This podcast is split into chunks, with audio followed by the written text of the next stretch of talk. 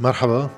اليوم الفيديو الأخير لهيدي السنة بنعيدكم وإن شاء الله السنة الجاية تكون فيها أخبار أفضل من السنة اللي قطعت وأهم شيء الصحة وما تبقى من بحبوحة أم إمكانية بحبوحة. الفكرة بس بهذا الفيديو هو ريكاب شوي عن سنة 2022 هو العناوين الأساسية لمطلع السنة الجاية بالسياسة شو بدنا ننطر. آه، البداية هو بس واحد يحكي هيك عن شوية أرقام. نحن بلشنا سنة 2022 كان سعر الصرف حوالي 27000 27500 واليوم بعد ما وصل سعر الصرف لحدود ال 50000 إلا صار في التدخلات تبع مصرف لبنان اللي هي طبعا كلها وقتية ونزلت سعر الصرف ل 43500 فبنكون طلعنا بسنة تقريبا حوالي 16 17 ألف ليرة مع كل التدخلات اللي صارت. حد هذا الموضوع آه، احتياطي العملات الأجنبية بمصرف لبنان كانوا مع نهاية سنة الماضي 13 مليار دولار. وصلوا بأيلول ل 9 مليار رجعوا من وراء تدخلات مصرف لبنان اللي عم يشتري دولارات من السوق وهذا واحدة من الأسباب اللي عم تخلي سعر الصرف أيضا يتقلب بالشكل اللي عم يتقلب فيه. رجعنا طلعنا لحوالي أكثر شوي من 10 مليار دولار.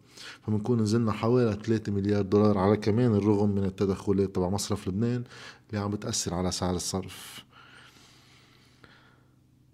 الاستيراد كان وصل تقريبا من سنة سنة ونص نزل لحوالي 11 12 مليار دولار ما كان في فقر كتير جدي واضح. كان بعد في أثر كورونا وفي أساس أثر الأزمة المالية بلبنان اللي طبيعة الحال مفروض تخفف القدرة على الاستهلاك القوة الشرائية عند اللبنانيين وتنزل آه، رقم الاستيراد من الرقم القياسي اللي وصلت له قبل الأزمة عند حوالي 20 مليار دولار. هيدي السنة رجع طلع رقم الاستيراد لحوالي بين 18 و 19 مليار دولار واللي هو رقم كتير كتير عالي نسبة لتدهور القدرة الشرائية بلبنان. يعني هذا إذا واحد بده يفسره بشي طريقة أنا الحديث عن التهريب هذا بلاقي بلا طعم لأن كل عمره في تهريب منه شيء جديد فما في واحد يزيد هذا العامل إنه هلأ صار في تهريب فارتفع الرقم. كان أساسا في تهريب ولا يزال في تهريب. الأبرز بهذا الشيء واحد يفهم شيء من اللي عم بيصير التفاوت الاجتماعي عم بيزيد آه، بالبلد. والعشرين بالمية أما الخمستاش أما العشرة بالمية اللي هن من الطبقة الميسورة القادرة اللي عندها وصول للدولارات بشكل أساسي تضاعف قدرتها الشرائية فعوضت عن ما خسره آه، بقية المجتمع اللي هو بالرقم البلك بيوصلك على 18 19 مليار دولار استيراد ولكن بنفس الوقت آه، هيدا التوزيعة عم بتزيد اللا مساواة واللا عدالة فيها ففي ناس عم تسوق وضعها أكتر وفي ناس عم يتحسن وضعها أكتر. إضافة إنه في رقم من هال 18 أما 19 مليار دولار هي بعض السلع اللي عم نستوردها لإعادة التصدير.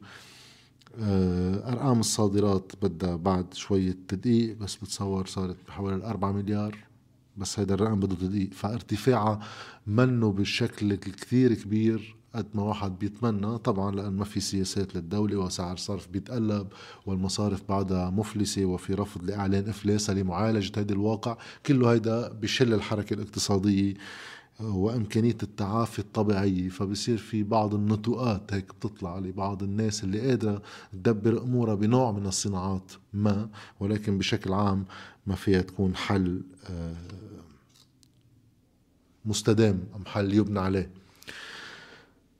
بداية السنة بلشت مع استمرار آه، تعطيل الثنائي حزب الله حركة أمل لمجلس الوزراء لتعطيل التحقيق بجريمة المرفأ ورجعوا على مجلس الوزراء ب 15 جانفي 15 كانون الثاني بعد 15 يوم من بداية السنة وكان لهم حوالي شي شهر قبلها كمان معطلينه. ونجاح تام بأنه طار فعليا التحقيق بجريمة المرفأ لدرجة بطل حدا عم يحكي فيها. له سنة وشوي آه، المحقق العدلي ولا ضربة معطل عن عمله آه، ولا أي تقدم بقصة المرفأ. بعد الرجعة على مجلس الوزراء آه، صارت الانتخابات ب 15 شهر خمسة ففعليا في خمسة أشهر بهالسنة كان في بين مزدوجين أم بين هيك هلالين عمل للسلطة التنفيذية وللسلطات مؤسسات الدولة ما تبقى منها يعني بالشكل كانوا عم يشتغلوا. ولكن من الانتخابات النيابية ناقص ال 15 يوم تعطيل بالأول. لليوم ما في شيء. وصلنا إنه حتى ب بشهر تشرين الأول فتنا كمان بالفراغ الرئاسي وما في حكومة من شهر خمسة. ففعليا في سبعة أشهر من 12 فيهم شلل على صعيد المؤسسات وعمل المؤسسات بالدولة. أه ومجلس النواب يعني حدث ولا حرج عن مجلس النواب اللي بعده عم بيناقش قانون ال capital control يعني فات بالسنة الرابعة هلأ بنقاش ال capital control. يعني اختصاص الاقتصاد أما المال ال finance يعني. هول بياخذون أربع سنين بالجامعة بعده مجلس نواب فات بسنته الرابعة بعده عم بيناقش إنهم capital control آه واضح ممانعة المصارف لإقراره إلا إذا منفرغه من كل شيء ومنترك بس إنه منع مقاضاة المصارف. آه بناء على إنه صار في قانون بجزلهم إنه ما يحولوا لك مصرياتك ولا يعطوك مصرياتك ولا شيء. فبعده مستمر مجلس النواب العظيم بمناقشة ال capital control وأقروا بس السرية المصرفية من بعد ما فرغوها كمان من أي مضمون لأنه ما بدهم يرفعوا السرية المصرفية بالمطلق كما هو الواقع بأغلب دول العالم لأنه صارت السرية المصرفية حتى بسويسرا بيقول لك إنه هذا عنوان للتهرب الضريبي ولتبييض الأموال ولا غيره وإذا بده ينترك بده ينترك بقيود هو يكون كتير ضيقة مش رفع السرية بده قيود ضيقة. ولكن طبعا لحماية طبيعة آه، اقتصادنا اللي جزء أساسي من التحويلات اللي كانت تنعمل والودائع الموجودة بالمصارف هي تهرب ضريبي وتبييض أموال وغيره. فممنوع ينرفع السرية المصرفية وهذا الشيء نجحوا فيه أيضا اللوبي المالي بلبنان.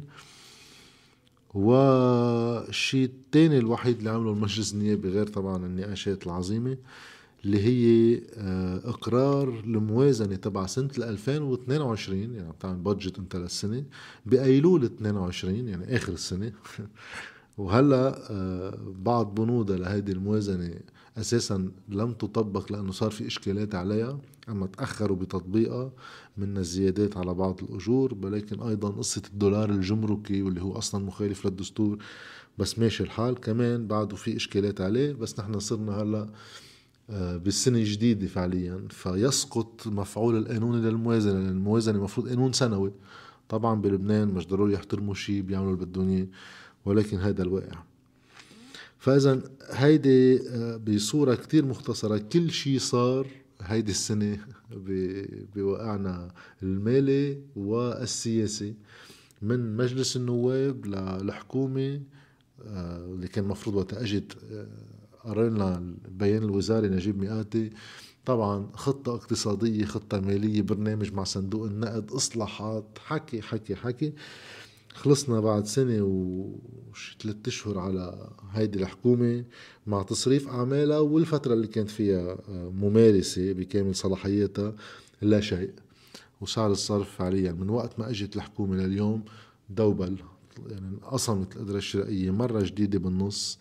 باستمرار للتدهور. أبرز المحطات بالسنة الجديدة اللي واحد آه، بيعتبرها محطات أساسية لها مفاعيل لأنه في كتير محطات في واحد يقول إنه آخرتها بدك حكومة بدك رئيس جمهورية في كتير أمور. ولكن من المحطات التي قد تكون حاكمة لهديك المسارات هي آه، اقتراب انتهاء ولاية حاكم مصرف لبنان رياض سلامة.